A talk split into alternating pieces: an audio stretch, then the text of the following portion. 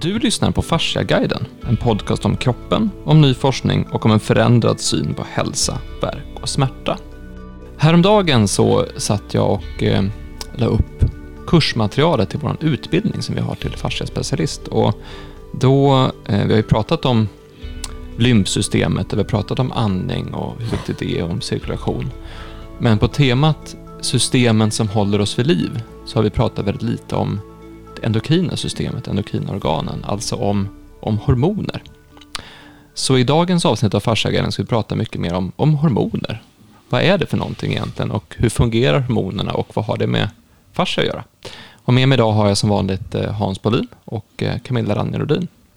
Och min första kontakt med, med fascia och hormoner det var på Fascia Research Congress 2018 när Kalle Steckos stod och presenterade hur östrogen förändrar kollagenstrukturen i kvinnokroppen under olika faser av eh, eh, ja, men cykeln egentligen. Och det var som en, en sån här, ja men det finns koppling mellan fascia och hormoner. Det var ungefär där, där man var då i den, på den kongressen. Och sen Camilla, så den våren efter kongressen så började du titta igenom massa forskning om fascia. Men när kom du in på det här med just fascia och hormoner och vad har det fört dig sedan dess? Ja, jag kan ju säga att eh, alltså endokrina systemet eller hormonsystemet då, det är ju det har varit någonting som jag har varit jättefascinerad av ända sedan jag pluggade på Ultuna. Men det är så otroligt komplext. Alltså hormonsystemet är ju ett kompletterande styrsystem kan man säga. I, tillsammans med nervsystemet. Så att man brukar ju säga att kroppen styrs av nervsystemet och hormonsystemet. Men ho hormonerna produceras i speciella körtlar. Och styr, mycket styrs från hypofysen, alltså från hjärnan.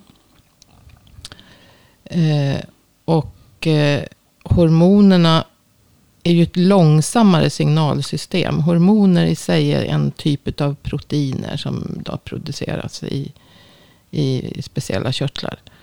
Endokrina körtlar säger man ju då. Och att de är endokrina, att de, de insöndrar. Det är någon, en produkt som släpps direkt ut i blodet. Och sen så ska de vandra i blodet till speciella receptorceller. Eh, där de liksom har receptorer och så, där de så att säga verkar.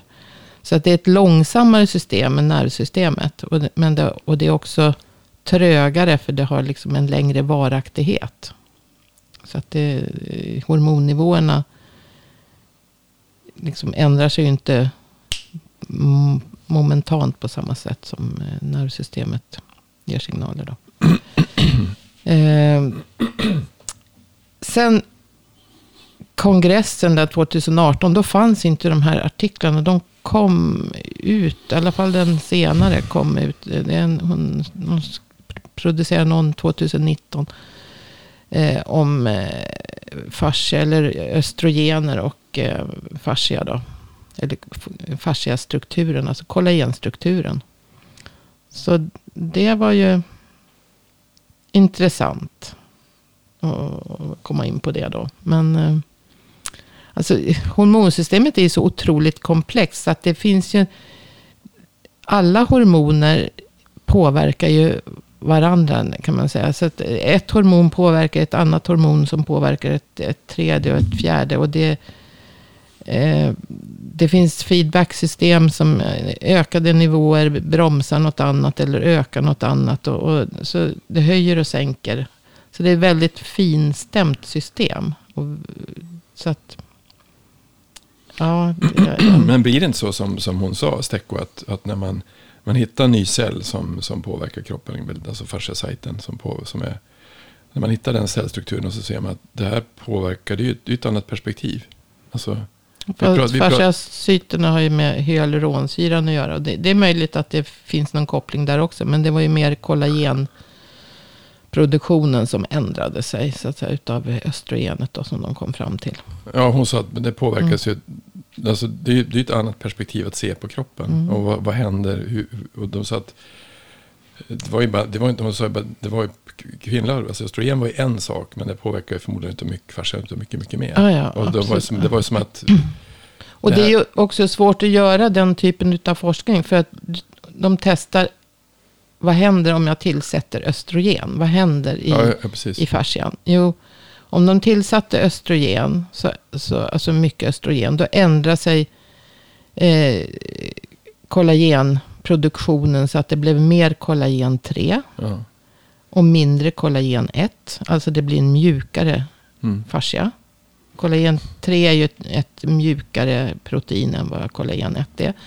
Eh, höga östrogennivåer, det var inte Stecco som, och Feder som kom på det, utan det är en annan, andra rapporter där det, det står att höga östrogennivåer hämmar enzymet glycyloxidas, som alltså gör tvärbindningar i kollagenet. Mm. Och framförallt kollagen 1 då. Alltså tvärbindningar i kollagen 1 gör att kollagenet blir stadigt. Mm. Och de ska finnas. Mm. Eh, till en viss gräns då. Men, men de bindningarna är, är ju, ja, ja det, är väl bra bindningar. Men, men alltså de, sen finns det ju sockerbindningar som kan vi komma in på sen. Eh, men om det blir minskad kollagenproduktion, Mm. då kommer de här eh, bindningarna att öka. För att eh, östrogen hämmar glycyloxidas. Så att ökat kollagen, då blir det alltså mindre tvärbindningar. Ett lösare kollagen. Lösare kollagen 1 och mer kollagen 3. Mm. Sen tillsatte de i, i relaxin, ett annat pro, eh, hormon. Så det är det som är problemet. De tillsätter ett hormon och så får de en effekt. Sen tillsätter de relaxin också. Så kombination båda. Mm. Då fick de en mer utjämnad effekt. Mm. Så att det vart inte lika skarpa svängningar under menstruationscykeln. Däremot under graviditeten när eh, östrogenerna ökar då mycket så blev det mycket mer kollagen 3 och så. Mm. Så att alltså, och tillsätter man fler hormoner, för det är inte bara de här hormonerna som påverkar. Vi har ju eh, även kvinnor producerar testosteron till exempel, som alltså är ett, ett manligt könshormon. Olika typer av androgener som också eh, styrs ifrån hypofys och från binjurebark. Och binjurebarken, binjurarna är ju ett endokrint organ då. Ehm, Bukspottkörteln som producerar insulin är ett annat endokrint organ. Jag vi skulle komma in lite mer på detaljerna sen, men det, det, jag tycker det är intressant här att våran resa till det här avsnittet och till det här ämnet är ganska lik den resa man har gjort inom fasciaforskningen. Att man, man eh, plötsligt börjar se på det på ett annat sätt. Att nu, vänta nu, ja det här sitter ihop, ja det sitter ihop där borta också. Oj, det, det sitter ihop överallt. Ja, men då måste vi titta på vi måste titta på alla delar och inte bara på den här lilla delen här. Vi- För att förstå knät måste vi titta på höften, måste titta på nacken och så vidare. Eh, på samma sätt när vi tog fram den första utbildningen fokuserade vi väldigt mycket på, på fascia och på balans och hållning. Och sen så började vi titta mycket mer på, på nervsystemet och hur, hur nervsignaler går, hur de kan störas och sen började vi titta mer på organ, och, alltså inre organ som, som tarmar och lever och, och, och så vidare. Men sen så började vi gräva jättemycket i lymfsystem. Och sen började vi hitta sakerna om, om andning och cirkulation. Och nu har det här med endokrina systemen kommit in mycket, mycket mer så att vi har till och med flyttat, bytt plats på det i utbildningen så att det kommer mycket, mycket tidigare just för att det är så viktigt att förstå. Jag minns när vi spelade in den föreläsningen du och jag Camilla så, så pratade vi lite grann om det här med att man kan se just nervsystemet som nu, det ska hända någonting nu, då är det nervsystemet. Men det ska hända någonting på sikt. Nu ska vi bygga om, nu ska vi omstrukturera här. Då är det eh, det endokrina systemet som sätter igång. Då är det hormonerna som går ut. Så att man kan se det som en nervsystemet, vi ska få direkt effekt. Eh, hormonerna, nu ska vi göra en, en långsam det, förändring. det finns ju snabba hormoner också som är otroligt eh, på, på en gång. Eller? Ja, eh, du tänker på stresshormoner, Ja, ad- adrenalin och noradrenalin. Ja, för det går ju Ja, på en gång. Jo, fast de, och samtidigt då så producerar också kortisol som är också ett stresshormon. Och, och det har ju en viss kvardröjande effekt ändå. Men jag tycker det är ganska intressant. För vi, alltså, när vi, eh, jag var hemma och hälsade på min mamma förra veckan. Och så sen så satt hon och uh, pratade om olika saker som, ja massa olika saker då. då hon är ju sjuksköterska från början och vårdlärare. Och så sen så uh, skulle jag testa mitt blodtryck. Hon är 86 år gammal, skulle hon kolla sitt blodtryck. Mm. Och då kollade jag det, så jag kollade bara att ändra andningen. Alltså, alltså, det, är, alltså det som är intressant med kroppen, hur mycket vi kan ändra i vilket sinnesstämning vi är. Hur mycket som påverkar om det händer någonting. Alltså, och, det där, och det påverkar allting samtidigt på en gång. Så att jag andades i en minut, eller en och en halv minut. Som du sa att man ska göra in genom näsan. Nej, in genom... In, ja, med näsan in och så blåsa ut. Och blåsa sänk, ut och bromsa. Broms, så det blir en långsam... Jag, jag sänkte mitt blodtryck ifrån, ifrån 139 genom 70 till 109 genom 70. Det är helt vansinnigt. Och det gjorde hon också. På tre, på, fyra... På, på tre, fyra andningar. Och då ser man ju otroligt... Eh, och då är det ändå... Hur otroligt fort det går, hur mycket mm. som vi påverkas av allting. Alltså vilken, vilken fantastisk kropp vi egentligen har. Och det, det tänker man inte på. Att man kan alltså ändra sinnesstäm, ändra... Det måste vara mycket som ändras då. Alltså på, när man bara gör en sån sak. Alltså om du sänker blodtrycket så mycket som du gör. Ja, och det är ju... Alltså... Jag vet inte, vad, ja. Men alltså kortisolnivåerna, eh, stressen. Alla lever ju på, på det här sättet. Det är ju ingen som andas på det sättet. Nej. Eh, ja, du gör det. Vi, vi försöker. Jag försöker göra det några gånger om dagen. Jag har också medicinerat för högt blodtryck i 15 år. Mm. Gör det inte längre. Men det, det har ju med hur vi lever. Mm. Hur vi tar hand om oss. Och, alltså, omgivning och, och det är klart att vi... Alltså, våra stresshormoner var ju till för att för just snabb flykt eller försvar. Det, det är ju kortvarig stress. Ja. Vi ska ju inte leva under ständig stress som vi gör nu. Nu är ju allting stressande. Vi har liksom ett... Eh, vi sover dåligt och har informationsflöde. Och det, det gör man utav höga stress, eh, kortisolnivåer så sover man dåligt också. Så vad som är orsak och verkan. Men mm. alltså, kortisolet som alltså är ett hormon från binjurbarken som då i sin tur styrs ifrån hjärnan ska ju då göra oss mer vakna. Alltså, och, och, för att kunna klara av stressen. Det bryter ner kroppen egentligen. Det är ett katabolt hormon som alltså bryter ner eh, kroppen för att få näring till cellerna så att vi mm. kan mm. klara av stressen kortsiktigt. Men det ska ju inte vara på topp dag ut och dag in. Mm. Det ska ju vara en kort stund. Det, det varierar ju, kortisolet varierar ju naturligt över dygnet. Så vi har som högst kortisolnivåer strax innan vi, vi vaknar. För att vi ska vakna. Mm. Och sen sjunker det under dagen. Men sen och sen har vi väl som lägst tror jag framåt småtimmarna på morgonen. Och sen så börjar det öka. Så att det ska ju få oss att vakna. Och så det är livsfarligt att inte ha någon kortisolproduktion. Man det hungrig, finns en men, sån men, sjukdom men, också. Man är inte alltså, hungrig när man har mycket på kortisol? Eller? Jo, alltså det är väl det man blir. Det är väl därför man blir hungrig. Därför att kroppen så att säga har gjort av med en massa energi. Och då signalerar kroppen att nu måste du äta, nu måste du äta. Så du blir hungrig efter ett tag. Fast kanske inte just precis under själva mm. eh, den. Man blir väldigt, väldigt aktiv. Om man, jag har en gång tagit ett antal kortisontabletter för att jag fick en reaktion. En allergisk reaktion. Och då var det alltså, på så jag måste ta dem där. Och jag var väldigt anti. Men jag pulade i mig tio kortisontabletter. Du, jag varit så taggad i, så jag kunde inte sova på två nätter. det är sant. Det är sant. Men jag tänkte vi skulle, för att inte... Eh, det här är ju ett nytt ämne för, för många förmodligen. Och då kanske vi inte ska snurra iväg för mycket åt olika håll samtidigt. Så jag tänkte vi ska...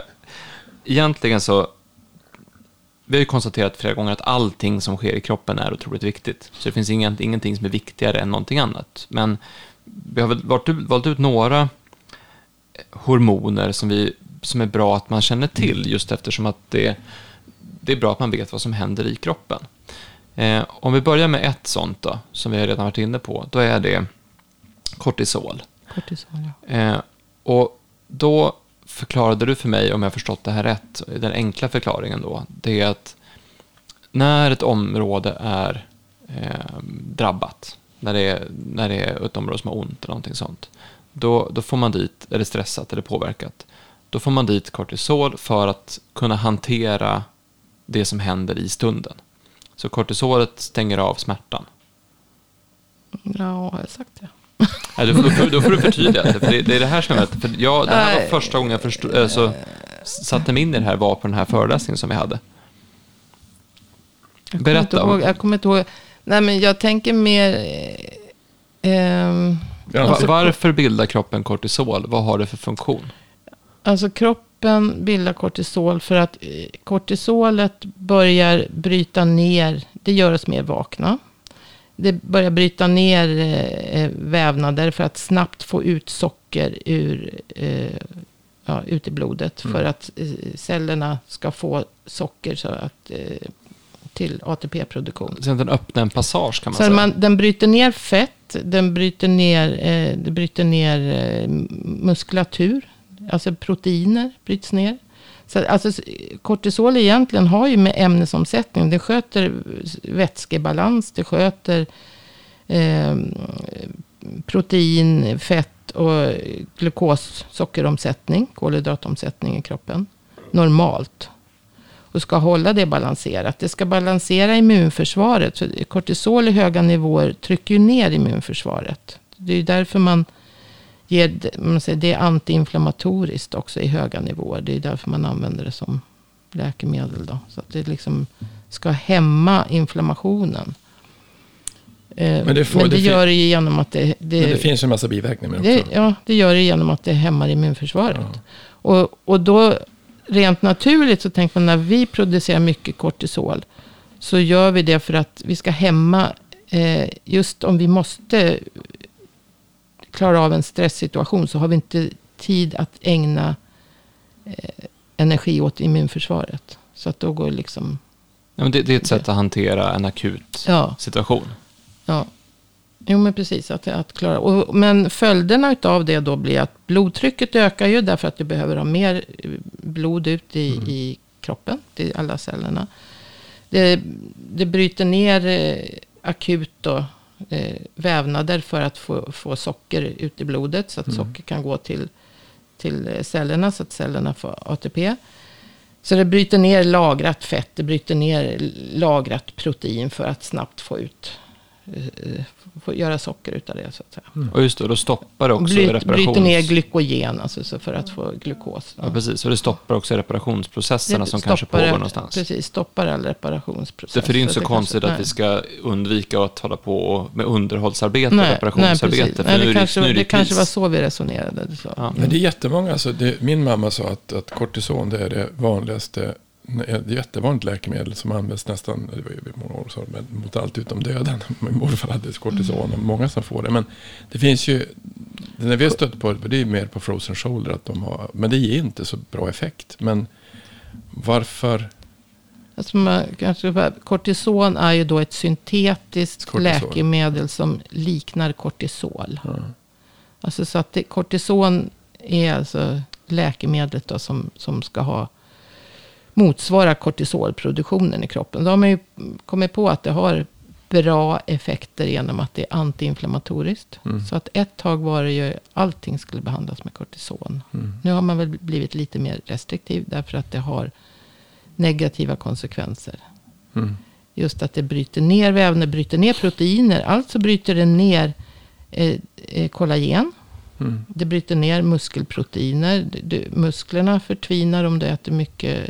Alltså, nu pratar vi om att äta kortison dagligen. Vissa sjukdomar måste man ju göra det. Då får, vissa sjukdomar får man ju daglig kortison. Vad händer med leder och brosk? Jag sprutar in det i en led så för många gånger så bryter du ju ner brosk och vävnader i leden. Mm.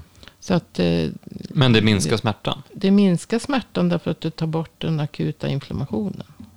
Men om du inte tar bort orsaken till inflammationen ändå så är det ju liksom bara att... att eh, Jag förstår precis, blir för stunden i alla fall. Ja. Men och sen, i och med att det bryter ner kollagen och, och bryter ner vävnaden så effekterna av det blir muskelförtvining, du tappar hår. Eh, man får högt blodtryck för det är stressen då så att säga som mm. som, som, ska ge högt blodtryck tillfälligt. Det, det ger ju samma effekter då med, med kortison. Ja, det blir eller, eller alltså, kortis, antingen kortisonbehandling nu, eller även om, om du själv går och är stressad. Dag ut, dag in, vecka ut, vecka in. Ja, precis, månader. kortisonbehandlingen blir ju som en syntetisk stress som ja, du sprutar in. Alltså du, du, du lägger till en lokal konstgjord stress ja. i ett område. Vilket ju aktiverar kroppen på, alltså tanken finns ju att, att det finns en anledning till att man gör det. Men det är ju samma sak som att det inte, som du säger, det är inte bra att vara i stress för mycket heller. Nej. Därför att är du, är du stress så bryter du ner kroppen. Det är, det är ju därför folk, alltså man, man tappar hår om man är stressad. Mm. Håret, håret blir matt, håret blir man, man kan ju säga man ser ganska direkt. Hårfrissan märker ju hur du mår. Mm. Jo, men det, det gör, om de tänker, det, det, gör de. De ser liksom på din hårkvalitet. Om, jag var gråhårig som var 35, det kanske inte är så. Jag vet inte om det gråhårigheten har med, riktigt med det ja. men, men just att du tappar hår och håret blir sprött. Mm. Man ser det på, på djur också som får kortisonbehandling. De, pälsen. de blir spröda och får en matt, eh, lite nylonig päls. Mm. Eh, de kan få päronformad kropp, alltså för att man får bukfett samlas på runt buken. Ja, mm. alltså det är massor med... Du, du, kortisolet i sig påverkar sköldkörteln. Så du får en försämrad sköldkörtelproduktion. Så stressen kan också alltså ge... Sköldkörteln är ett annat endokrint organ. Som producerar sköldkörtelhormoner, tyroxin och så. Och hur många har inte då problem med sin för låg sköldkörtelproduktion? Det kan bero på att stressen, att kortisolet mm. så att säga påverkar det många, och, och sen kortisolet gör att, att eh, du får högt blodsocker. Vilket gör att insulinproduktionen ifrån eh, pankreas, alltså bukspottkörteln, mm. ökar. Och då får, då får du höga insulinnivåer i, mm. i blodet. Och sen då ska så småningom så börjar de celler, för att insulinet ska ju öppna, insulinet ska öppna cell membranet så att sockret kommer in till cellen. Mm. Så att cellen får sin energi så att säga, och kan, alltså kan bygga ATP utav eh, sockret. Därför kan och man då, säga när det kommer, när det kommer alltså, många kunder som har kommit till oss som har varit med om, alltså, mest kvinnor faktiskt, än, både kvinnor och män, men mer kvinnor än män som har problem med sköldkörteln. Mm. Och som har stressat mycket. Alltså de har, alltså en lång tid stressat. Det är väl vanligare med kvinnor? Varför är det det? Ja. Det är kanske.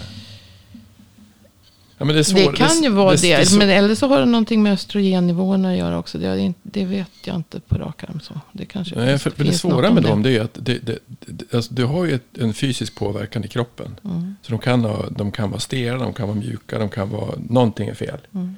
Men, men det ligger ju mycket djupare in i de är svårare behandlade för att de måste ändra. Det är oftast när de går bättre, det är när de har förstått att det kanske inte, man måste ta sig ur det man sitter fast i. Alltså stressen är för hög.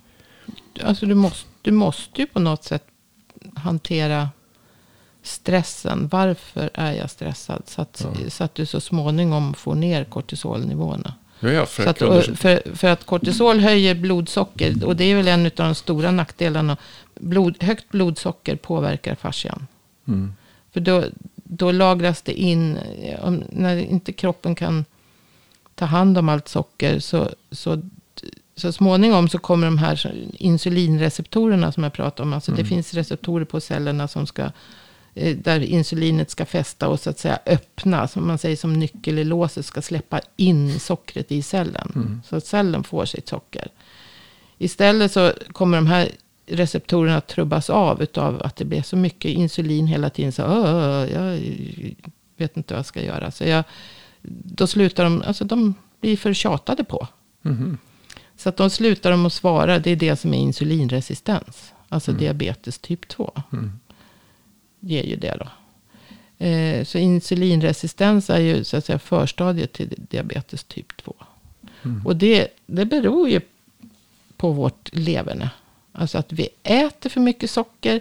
Vi, eh, vi äter, vi, eller vi stressar också. Det både äter mycket socker och så stressar vi Så att vi du, du har nämnt hela tiden här får med, höga med nivåer. att eh, socker påverkar kroppen på samma sätt som stress. Ja. Ja, men, jo, men precis. Men det, det är vad som är orsak och verkan här. Men, men just att vi äter mycket socker. Vi kanske inte är stressade men äter för mycket socker. Så kan det ju bli samma effekt. Det blir för höga insulinpåslag hela tiden. För det, varje gång vi äter socker så får du en, en insulintopp. Mm. Och blir det för mycket sådana insulintoppar. Man ska ju helst ha en lite välbalanserad insulinnivå. Blir det för mycket toppar. Då, då trubbar man ju av de här. Mm. Sen är det ju så att, att, att alltså det är inte så svart och vitt. För vissa tål det mer än andra. Och vissa är känsligare. Det är ju så med allting. Alltså, man har ju en genetisk bakgrund. Och jag kanske inte tål alls att äta på ett visst sätt. Mens, eh, utan, utan att bli sjuk eller påverkad utav det. Men du kan äta precis likadant och ännu värre. Mm. Och utan att bli sjuk. Mm. Så att, eh, Men samtidigt har vi här en, en, eh, ett sån här eh, ekologiskt förlopp som vi pratat om med, med Per tidigare podcast Mm, för att förstå ja, ett större precis. samband. Alltså, det finns ju mycket som tyder på att besvär som eh, framförallt psykisk ohälsa men även eh, olika typer av ryggverk, olika typer av eh, artroser, diskbråck, olika typer av, av störningar blir vanligare. Ehm, och om du då har en, en obalans någonstans i kroppen, alltså rent strukturell obalans, att någonting är, som jag pratade om tidigare, att bäckenet är snett eller att du har en, en dålig hållning eller något sånt där, då, då får ju dina kollagentrådarna i din fascia struktur får ju, är ju ansträngda på ett annat sätt. De får jobba på ett annat sätt och får bygga om sig på ett annat sätt. Men om du samtidigt är stressad så kommer ju kortisolet som skapas av stressen att bryta ner de här strukturerna som får jobba hårdare för att hålla. Och då blir det någonstans som att det ena kanske man hade klarat av eller det andra. Men de här sakerna i kombination blir för mycket för kroppen att hantera. Och lägger du där till då en, en eh, eh, kortisonbehandling eller sånt där, då kan ju det göra att, att det verkligen tippar över och bryter ner kroppen på ett sätt som inte som är väldigt, väldigt svårt för kroppen att hantera. Och den här, eh, det här är inte någon, någon, någon kritik mot, mot hur man gör saker idag, men, men det är väl en allmän grej att vi har svårt att förstå att det är så fruktansvärt många saker som äger rum samtidigt. Hur otroligt avancerad och komplex kroppen egentligen är. Men, men att man blir lättare sjuk när man är stressad, det vet ju, alltså det har ju folk märkt. Det, det, det vet de flesta. Och det beror ju på de höga kortisolnivåerna. Alltså för, för långvarig stress som alltså ger, eh, hämmar immunförsvaret. Mm. Men vi har ju andra, för nu har vi pratat om, om lite grann om adrenalin lite snabbt och så har vi pratat lite grann om kortisol och så har vi pratat om östrogen och relaxin och, och eh, lysoloxidas. Eh, lysoloxidas. Lysyloxidas. Lysyloxidas. Mm. Det, Eh, det, är, det är ett enzym som, så det är inget hormon. Det är ett enzym som eh, hjälper till att göra tvärbindningar i kollagenet. Och det är bra bindningar. Alltså, de, de är enzymatiska som man säger. De ska vara där när de bildas. För att stadga. Eh, Men, då, men, men om, man, om man tar östrogenet och, och relaxinet så är det, det är ju eh, hormoner som, som hjälper till att bygga om och förbereda på förändring. Och adrenalinet är ju någonting som, som är för att, för att hantera en situation. Och kortisolet är för att hantera en situation. Men du har ju också hormoner som oxytocin till exempel.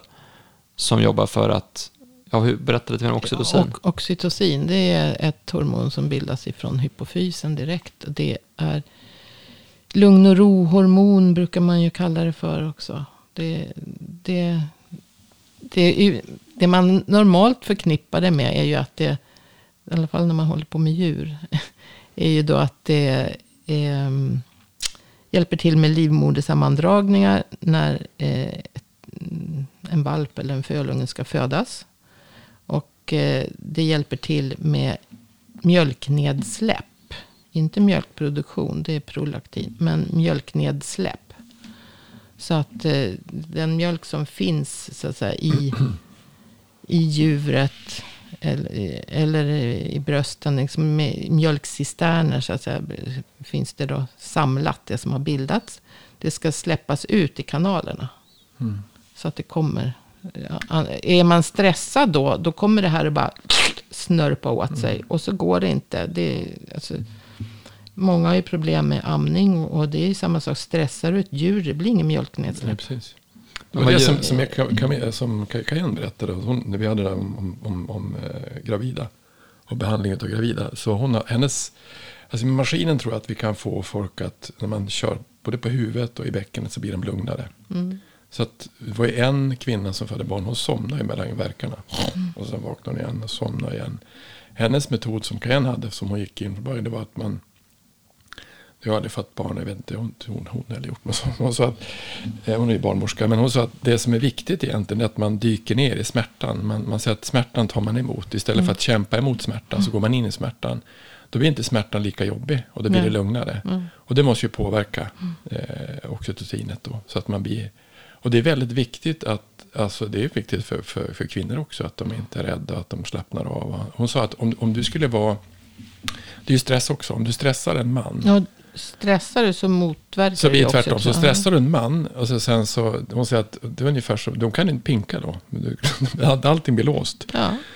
Så, att, så, det, så blir det. Man blir helt, så, och det, sen, då kan du tänka en stressad kvinna, hur lätt har hon föda barn? Det går inte alls. Nej, Och hon menar att vi är i, i grunden alldeles på fel frekvens. Utan vi måste, vi Du måste, ner i så kroppen att säga, på ett annat sätt. Oxytocinet gör ju att, att livmodern kan dra ihop sig. Så att, eh, och det här, alltså även eh, karar har ju oxytocin. Givet. Fast då, då fungerar inte det riktigt På samma på sätt. samma sätt. Då. Men, men däremot så är det ju då lugn och ro hormon som man Ja. kallar det för.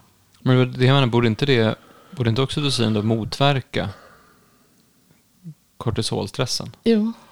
Det Eller, blir- eller jag vet inte om det, jag tror att, att adrenalin och kortisol är så starkare så att jag tror att det trycker ner oxytocinet. Mm. Men alltså det, det är ju motverkande. Men om du tar, om du tar det här, vi säger att vi har mycket kortis- kortisol och mycket, mycket stress. Vad, vad händer då med fria radikaler? Blir det mer fria radikaler? Ja, ja, ja. Så då egentligen, så alltså du säger att vi ska äta mycket C-vitamin egentligen. Det är för att om vi, om vi lever, om vi ute i naturen och kollar på kottar och grejer, granar hela tiden, då behöver vi inte behöver ingenting alls. Men om vi, om vi, Om vi kollar på kottar. Ja, men vet jag vad man gör i skogen. Ja, man kollar på kottar och... Nej, men om vi är ute, om vi är ute och, och, och tar det lugnt och lever med naturen, då kanske vi inte behöver så mycket C-vitamin. Ut och åker båt. Ute och, ute och åker båt och orolig för motorn. Nej, nej men då, då blir det lugnare. Nej, men då blir det lugnare. Alltså, vattenkluck är väl... Alltså, naturen är ju väldigt lugnande. Lugn, ja. Jag vet inte om alla fungerar. Men jag vet att går jag ut och bara lyssnar på eh, träd som susar eller går barfota i gräset. Eller, eller känner dofterna utav jorden, dofter utav en blomma. Jag kan ta in en blombukett och, och bara dofta på den. Alltså allt sånt gör ju att man kommer ner i varv, och, och liksom blir lugn. Och det, Och det det är man, inte bara oxytocin, det är andra saker också. Vi har ju endorfiner och i, men, men eh, dopamin och signalsubstanser som eh, triggar. Men, men det är mycket oxytocin också. mm. Nej, men det var, jag hörde någon annanstans i ett annat sammanhang om att en av, en av nycklarna till välmående är att kanske vara lite mer som barn. Mm. Därför att ett, ett barn kan ju vara väldigt mycket här och nu på ett annat sätt. Alltså De- titta på ett löv och De bara... vet ju inte vad som titta. kan hända. Nej. Alltså, de har ju liksom inte någon konsekvens. Nej, Eh, och, och då är det lättare att vara att uppskatta en, eh, en vacker himmel eller Mm. moln eller ett träd eller suset från vinden. Och det där är någonting som vi kanske inte gör så mycket idag. Att vi faktiskt tar oss... Alltså vi säger att du vaknar och så tittar du ut genom fönstret och så tittar du på allting som, som händer där ute. Och hur, hur vackert det kan vara. Och så gör du det i två minuter. Då kanske det är den boost du behövde den dagen för att hitta en annan form av välmående. ja. Eller att du tar tio minuter och du ligger och djupandas och, och får den boosten där. Alltså att, att hitta de här små pauserna. Om vi säger så här, om vi vet nu hur, hur fruktansvärt viktigt det är att vi undviker stress. Då kan man ju få, alltså man kan vända två håll. Antingen kan man nästan få panik och bli jättestressad över att man stressar så mycket. Det finns säkert de som, som lyssnar på det här och säger Ja, shit sen vad mycket jag stressar. beror det ju på varför man är stressad. Vissa saker kanske man inte kan slå från sig bara heller. Att det finns ju faktiskt eh, reella, riktiga, stora problem så, som gör en stressad. Ja, men då är det ju ännu då- viktigare att hitta Ja, de det är här ännu viktigare att verkligen, för, verkligen försöka och, och få, att djupandas, att lära sig det och tänka på det några gånger per dag. Det, det kan man ju göra oavsett var man bor nästan. Ja, eller, och även göra saker som är roliga och som Ja. gör att man skrattar. Ja. För när du Och skrattar så sätter du ja, också igång precis. processer i kroppen. När du ska, skrattar så får du ju massor med endorfiner och Mm. dopaminer. Ja. Så att det, det... Och att umgås med folk som, man, som gör att man skrattar. Mm. Ja. Ehm, Så Det, det här går ju att prata hur mycket som helst om. Men ja, du hade för ja. en sak till som du ville ta upp. Och det var väl det du har grävt in på senaste veckan. ja, det var det du började prata om när det var en fråga om PCOS. Ja, precis. Som dök upp. Ja, som är polycystic ovary syndrome. Alltså det är, poly betyder ju många. Och eh, cystic poly, ovary syndrome då betyder alltså att man har många, det, det är många ägg, eh, folliklar igång i äggstockarna. Men ingen släpper. Inget, man ägglossar inte. Så det, är, det är ett infertilitet, infertilitetsproblem. Som det här är mycket vanligare än man tror. Som är tydligen typ 20 procent av alla som, kvinnor som... ja. Det var väldigt många. Man blir nästan chockad när man hör hur många det är. Jag Ja. känner flera stycken faktiskt. Som, Mm. Och egentligen då så, så är det här... Det fanns ju en hel del färskt skrivet om det. Men det var ju det, det som stod hela tiden. Det är insulinresistens. Så man kan alltså göra någonting åt det. Man, ehm, så stod också att många behandlar ju då genom att eh, ge p-piller. Vilket inte då hjälper utan bara tar bort symptomen. Därför att problemen med, med det här, bortsett från att, att det är svårt att bli gravid för att man inte får ägglossning, så har man alltså oregelbunden eh, menstruationscykel. Och man har överskott av, av eh, testosteron eller androgener, alltså manliga könshormon. Mm. Och man säger att, att även en kvinna har ju testosteron och androgen hormonproduktion så att säga. Fast vi har ungefär 10% av vad en kar har. Så att vi ska ha lite grann. Men, men man måste alltså, för att få den här diagnosen så måste man in, inte bara gå på symptomen. Utan man måste ta ett blodprov för att kolla mängden testosteron. Mm. Om det ska vara korrekt då. Men sen kan det då, ofta så, så menar de på att det vanligaste orsaken till det är insulinresistens. Och då är det ju så att, för, att det här insulinresistens, det är så förstadiet till diabetes typ 2. Men då har man alltså för höga insulinnivåer. Så att cellerna som ska eh, ta hand, eh, svara på insulinsignalen då. Som har de här receptorerna där, som ska släppa in socker. De, de eh, blir avtrubbade så de svarar inte. Och det är därför man säger att de är resistenta mot insulinet. Det är fullt av insulin i blodet. Mm. Men de kan inte svara så att det blir ingen reaktion. Och då är det så att höga insulinnivåer. Det, det mm, eh, kan trigga igång en massa andra saker i, i kroppen. Mm. och det vi har hittat som grundbiten här är väl att man har just karamelliserat socker i vävnaden. Ja, jo, det, dels det som sagt. Så fascian blir ju påverkad med de här sockerbindningarna som jag sa. Men om vi skulle gå tillbaka till PCOS då. Så har ju då också eh, ett högt, för högt insulin hela tiden. Det höjer testosteronet. Så det triggar folliklarna, alltså folliklarna i äggstockarna då. Mm. Eh, att producera mer testosteron. Mm. Och sen så eh, ökar TSH, det är ett tyroidea-stimulerande hormon. Heter det. Det är ett hormon från hypofysen som stimulerar eh, eh, eh, sköldkörteln. Så att det, den stör för höga... Eh, eh, ja, det, Det var prolaktinet också. Det är väldigt röra med hormoner. Det ökar prolaktin och det, Så det det också. Så är- insulinet kan öka prolaktin som är ett annat hormon som i sin tur då stör sköldkörteln. Så den Men- livsstil som vi har nu egentligen, alltså som vi lever, alltså Mm. stressigt, så kan man säga om man ska vara riktigt generalist, alltså generell, så säger man så att den kanske inte är helt gjord för kvinnor som ska föda barn. Nej. Eller ska vi Nej, alltså det, det är väl rätt självklart. För att har du djur, håller man på med djur så de blir inte dräktiga om, man, om de är stressade. Om de, le, om de lever i en stressad eh, miljö där de inte Nej. så att säga, trivs och, och är lugna, och- då får de inte dräktiga. Men för det, det, så det, är det är självklart att det motverkar. Det ska inte, kroppen har inte tid att hålla på med en, en graviditet om du är stressad. Nej, det är klart du har det ju liksom fullt sjå med att, att Men vad lätt, vad, lätt är att, vad lätt är att inte se det som är så naturligt, så tokigt. Men det var som hon berättade, Ken, vi hade den här, om, om barnmorskan, alltså barn, om, om graviditet också. Att, eller jag, tror det är mer avsnitt. Att de hade träffats en massa barnmorskor.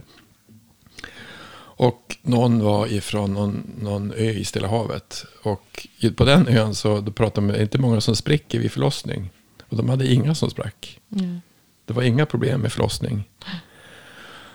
Och då, då ser man hur olika det är på vilka, vilka, hur olika kulturer kan vara. Alltså, då, då blir det inget. Det är klart att om, om, allting, om, om, om kvinnorna skulle gå sönder när de fick barn, då, då hade inte vi funnits här. Det varit ju svårt om det hade gått. Utan förmodligen är det för stressigt, det vi håller på med överhuvudtaget. Ja.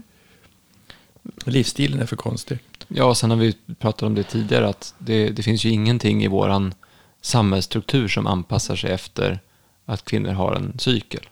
Alltså du, du skulle ju förmodligen anpassa arbetslivet på ett annat sätt om man tog, faktiskt tog hänsyn till att cykeln ser ut som den gör. Ja. Men det gör vi inte, utan ja, du förväntas ju jobba exakt lika mycket, exakt lika, oavsett om du har ägglossning eller mens, så ska du förväntas du prestera på exakt samma sätt på jobbet. Det är det här som Kajan gjorde också, att hon, hon testade att ha alla möten, eller det var en vän till henne som testade alla möten som var viktiga när hon hade ägglossning.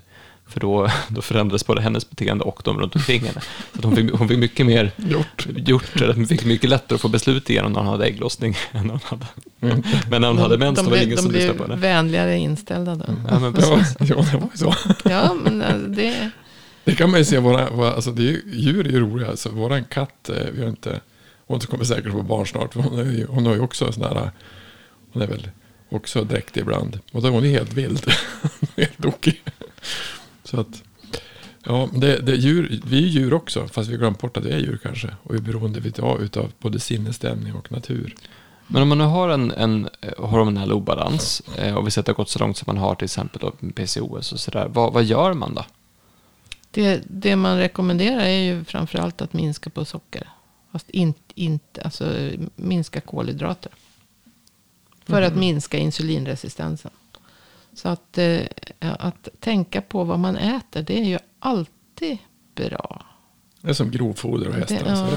det, är, det är ju faktiskt så. Sen kan det ju vara lättare sagt än gjort. Men å andra sidan så är det inte heller kanske så svårt som man tror att det är. Utan det är också det här med mentala, mentala eh, spärrar eller så. Att, att just det här med, med, precis som du sa, med smärtan. Att man, eh, det, man är jätterädd för att det ska göra ont. Men egentligen inget konstigt. Och, och om man då accepterar smärtan så kanske den gör mindre ont. Därför att, Har- man- men då har man ju samma sak med hungerkänslor. Att det, Mm. det, det är så förknippat med att jag får inte vara hungrig, då måste jag äta. Ja, och det där är ju Och en det är större... ju också, nå- alltså det är inget farligt att vara Mm. hungrig. Nej, man kan vara Det hungrig är flera dagar och- egentligen utan ja, problem. men och sen, sen försvinner faktiskt hungerkänslorna. Och sen kan det i sig sen, tycker jag, när man, just det, jag, nu har jag ju precis köpt eh, Sanna Edins fastebok. här. Okej. Och den, den är, nej men, alltså det är ju, man, det kan ju trigga igång ett välbehag också. Just det här. Och, alltså det går ju så fort över. Det är ju bara att göra en avledande manöver och hitta på något annat. Och, och inte, inte fixera sig vid att man är hungrig. Mm. Jag har en god vän som har testat mycket, testat, eh, experimenterat mycket med just fastande och hunger och så vidare. Mm. Han sa också det att du, du kan vara hungrig mycket längre än du tror. Och vi, men det, det ligger lite i linje med det vi pratat om tidigare också. Att vi är generellt sett väldigt, väldigt rädda för smärta och vi är rädda för hunger och vi är rädda för obehag. Vi, den, här, den här bekvämligheten som vi eftersträvat så länge som samhälle, den har någonstans slagit, alltså, slagit bakut nu så att vi, vi är så bekväma och så, vi vill vara bekväma så mycket så att vi, vi är nästan som glömmer bort att vi måste ta tag i saker. Och det är på samma sätt som det här med att det är väldigt få människor som faktiskt läser forskning eller som faktiskt tittar, går till botten med saker eller som själva utforskar olika ämnen eller situationer eller som läser på därför att man har inte tid. Och varför har man inte tid? Jo, men därför att det är, det är en tv-serie man ska titta på, eller det är en fotbollsmatch man ska se, eller det är en, ett event man ska gå på. Det, det är någonting man ska göra, man ska spela spel eller något sånt där. Så att man, mm.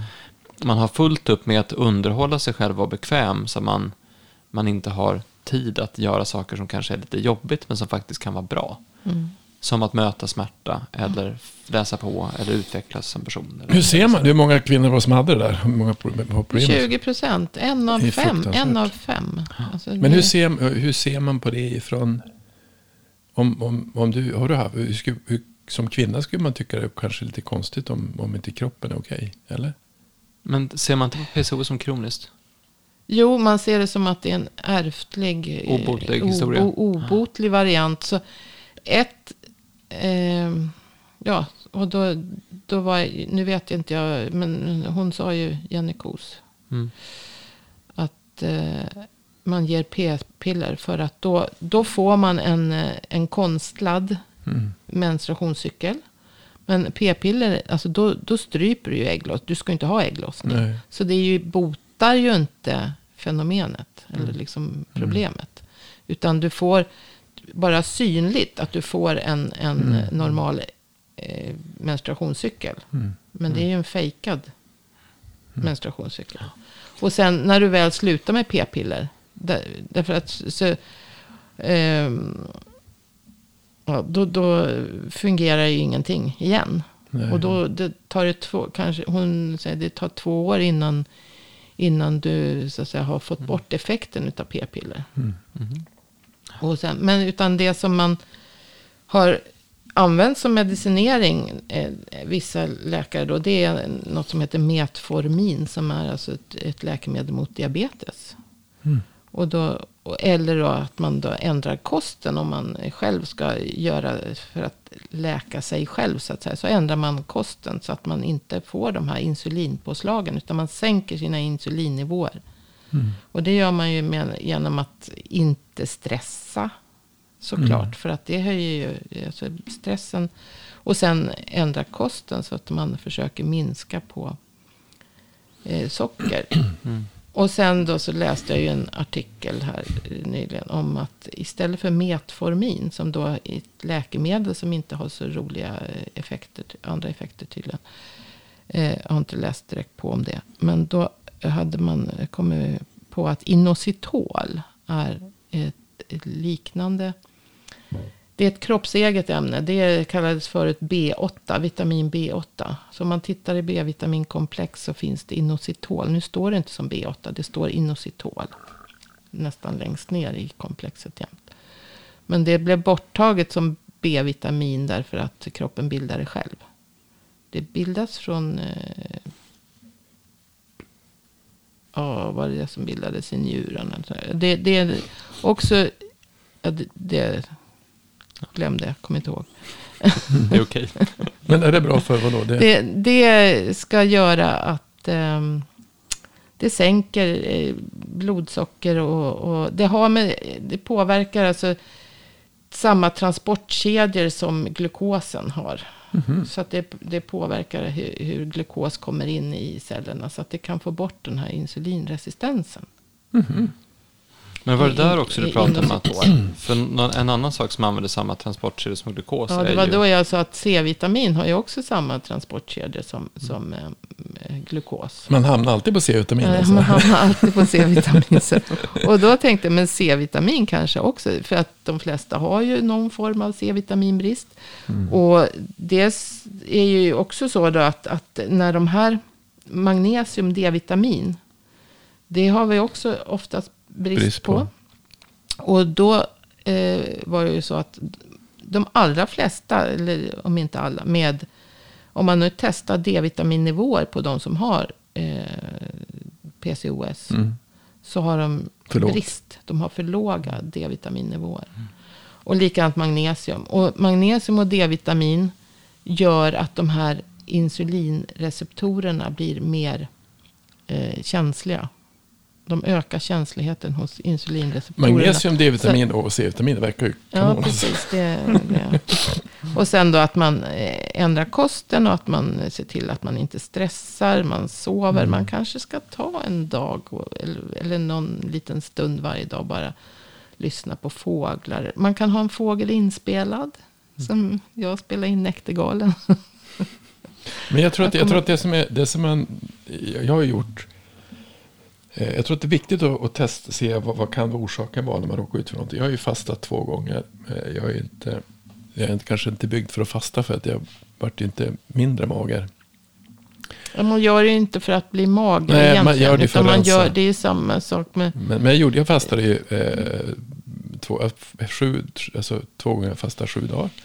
Det häftiga är att det, det är två dagar som är jobbiga. Alltså när Mm, man ska jo. sluta med kaffe och när man man får ont i skallen utav det. Det kan man ju märka ibland. Så, så kaffet och så sen så att, att komma igång och dricka och få igång allting som är. Men sen efter alltså, fyra, fem, sex, då är man ju hög. Då, då är man ju, mår man jättebra. Alltså bara av att dricka vatten. Mm. Jag tror att det som är intressant med om man, om man har problem så måste man nog titta på att göra sådana saker. Att fast, alltså, ge kroppen möjlighet att vila.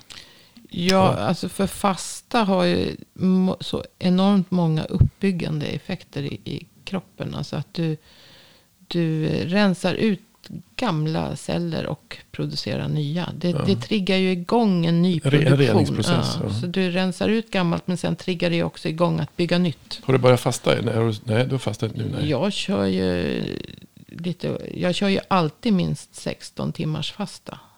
Varje vecka? Varje, varje dag. Det har jag gjort sedan mars. Är det sant? Ja, jag har inte ätit. Eh, jag har inte ätit sen igår kväll nu. Men, och det är inte. Du vän, alltså du, det är inget konstigt. Jag, Har du inte drick- ätit jag sen- dricker kaffe. Har du inte ätit sen igår kväll? Nej. periodisk fasta. Jag, kör, jag, har kört Varje dag? jag har kört periodisk fasta sedan i mars. Det körde min fru under ett halvår Men, också. men det, det, och Mats gör ju likadant. Mm. Alltså det är inget konstigt nu. Det är så, alltså, det är inte ens, det är så bra. Man sparar det så kostar- mycket tid. Jag sparar så mycket pengar. Ja, det kanske man gör Minskar också. Men man sparar ju så mycket tid. Man behöver inte, ä- förut var det liksom stressa och äta frukost. Man måste äta frukost. Nej, Så du äter bara en gång om dagen nu då? nej två. Lunch Ibland en faktiskt. Lunch Det beror, på, det beror på vad jag hinner. Det är det jag säger. Om du har någonting för dig. Så att du Mm. inte eh, hinner äta.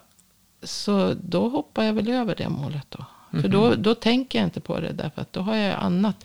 Det gäller just den här avledande manövern. Att man, alltså har, har du, håller du på med någonting. Jag vet att du blir hungrig jämt. Ja. jag är hungrig nu. ja, men jag har fastat. Jag har fastat. Ja, jag vet. Men jag- jag men, äter men inte- alltså jag det, det, är, det är faktiskt uppbyggande eh, Ja. för kroppen. Det är, Det finns ju en anledning till att fasta är med i, som religiös ritual i väldigt, väldigt många olika traditioner. Ja, alla har det. ja, precis. och du, du ska ju fasta. Du kan ju fasta på olika sätt. Men du ska ju inte bara göra en gång i livet. Utan du ska ju upprepa det med jämna mellanrum. Okej då. Du, du måste ju upprepa det för att hela tiden, för att förnya. Du föryngrar ju kroppen när du gör det. Vi kanske ska testa det under hösten då, du och jag. Shit. Jag får, ja, men jag ska, Så att, men, av- men, men ja, jag har, jag- fast, jag jag har fastat tio dagar en gång i min ungdom också. Bara för att testa hur det var. Men det var ju länge sedan. Mm. Men, Men avslutningsvis då, innan vi börjar spara iväg för mycket i, i, som inte hör till ämnet. Eh, vi har ju sagt det sen Påverkar länge. hormonerna. Det påverkar hormonerna. Så det, det är klart, det, det, det, Ja, all, allting. allting Du får, påverkar. du får faktiskt adrenalin och påslaget av att Nej, men jag tror att fast- så det, som, det, det, det är det som vi menar med att allting påverkar allting. Men det är viktigt om man, ska, om man är i en sån process som vi har nu, alltså kvinnor som har problem med det, så måste man titta hur kan man, hur kan man åtgärda vad kan man göra för någonting. Men som sagt, B-vitaminkomplex med inositol. Sen vet jag inte, de, den här ra- rapporten, jag vet inte om det var hur höga doser det var. Men det var utan bara att de hade, istället för metformin, hade givit inositol. Kan man söka på B-vitaminkomplex? Och Ja, köpa det, det- på ja, Apotea B- eller vad då? Ja, Var som helst. Var som helst. Ehm, avslutningsvis i alla fall då. Så att vi, vi har ju sagt sedan ganska länge tillbaka, eh, Hans, framförallt en av dina stora hjärtefrågor, att ge oss in i det vi kallar för kvinnoproblem eller, eller olika typer av sjukdomar, tillstånd, diagnoser och så vidare som, som drabbar kvinnor. Och då blir ju hormoner, det här som jag pratar om nu, blir en bra inkörsport till det. Eh, så det kommer komma mer kring sånt här. Vi vet inte när eller hur, men, men det kommer komma mer. Ehm, Det var, en, det, var, ja, det var en sak, alltså det som, jag hade pr- pratat med sådana funktionsmedicinare som finns. Och då hade de, eh, de trodde att det skulle vara, det grejen de skulle ha var diabetes typ 2. Det grejen som de hade, det var, jag tror det var över 300 000 kvinnor som hade problem med, med, med sköldkörteln. Som, Och- är, som är det här problemet. Som alltså, de har, inte, har, man, har man ger dem Levaxin, men man har inte kommit till rätta med orsaken till vad som är problemet med det. Och de fick nästan alla bra tror jag. Alltså genom att ändra hela strukturen. Så det är nog mycket, mycket vanligare än man tror, problem med kvinnor. Så det går, vi har ju redan pratat om eh, förlossning, gravida, behandling under graviditet, behandling efter förlossning och så vidare. Under förlossning också för den delen. Och vi, vi kommer röra oss åt det här, åt det här hållet. Så att det är, eh, är ni intresserade och har frågor kring sånt här så går det jättebra att mejla in det. Eh, så vår vision är väl att röra oss åt, åt det hållet och såklart fortfarande hålla på med allt annat som vi gör.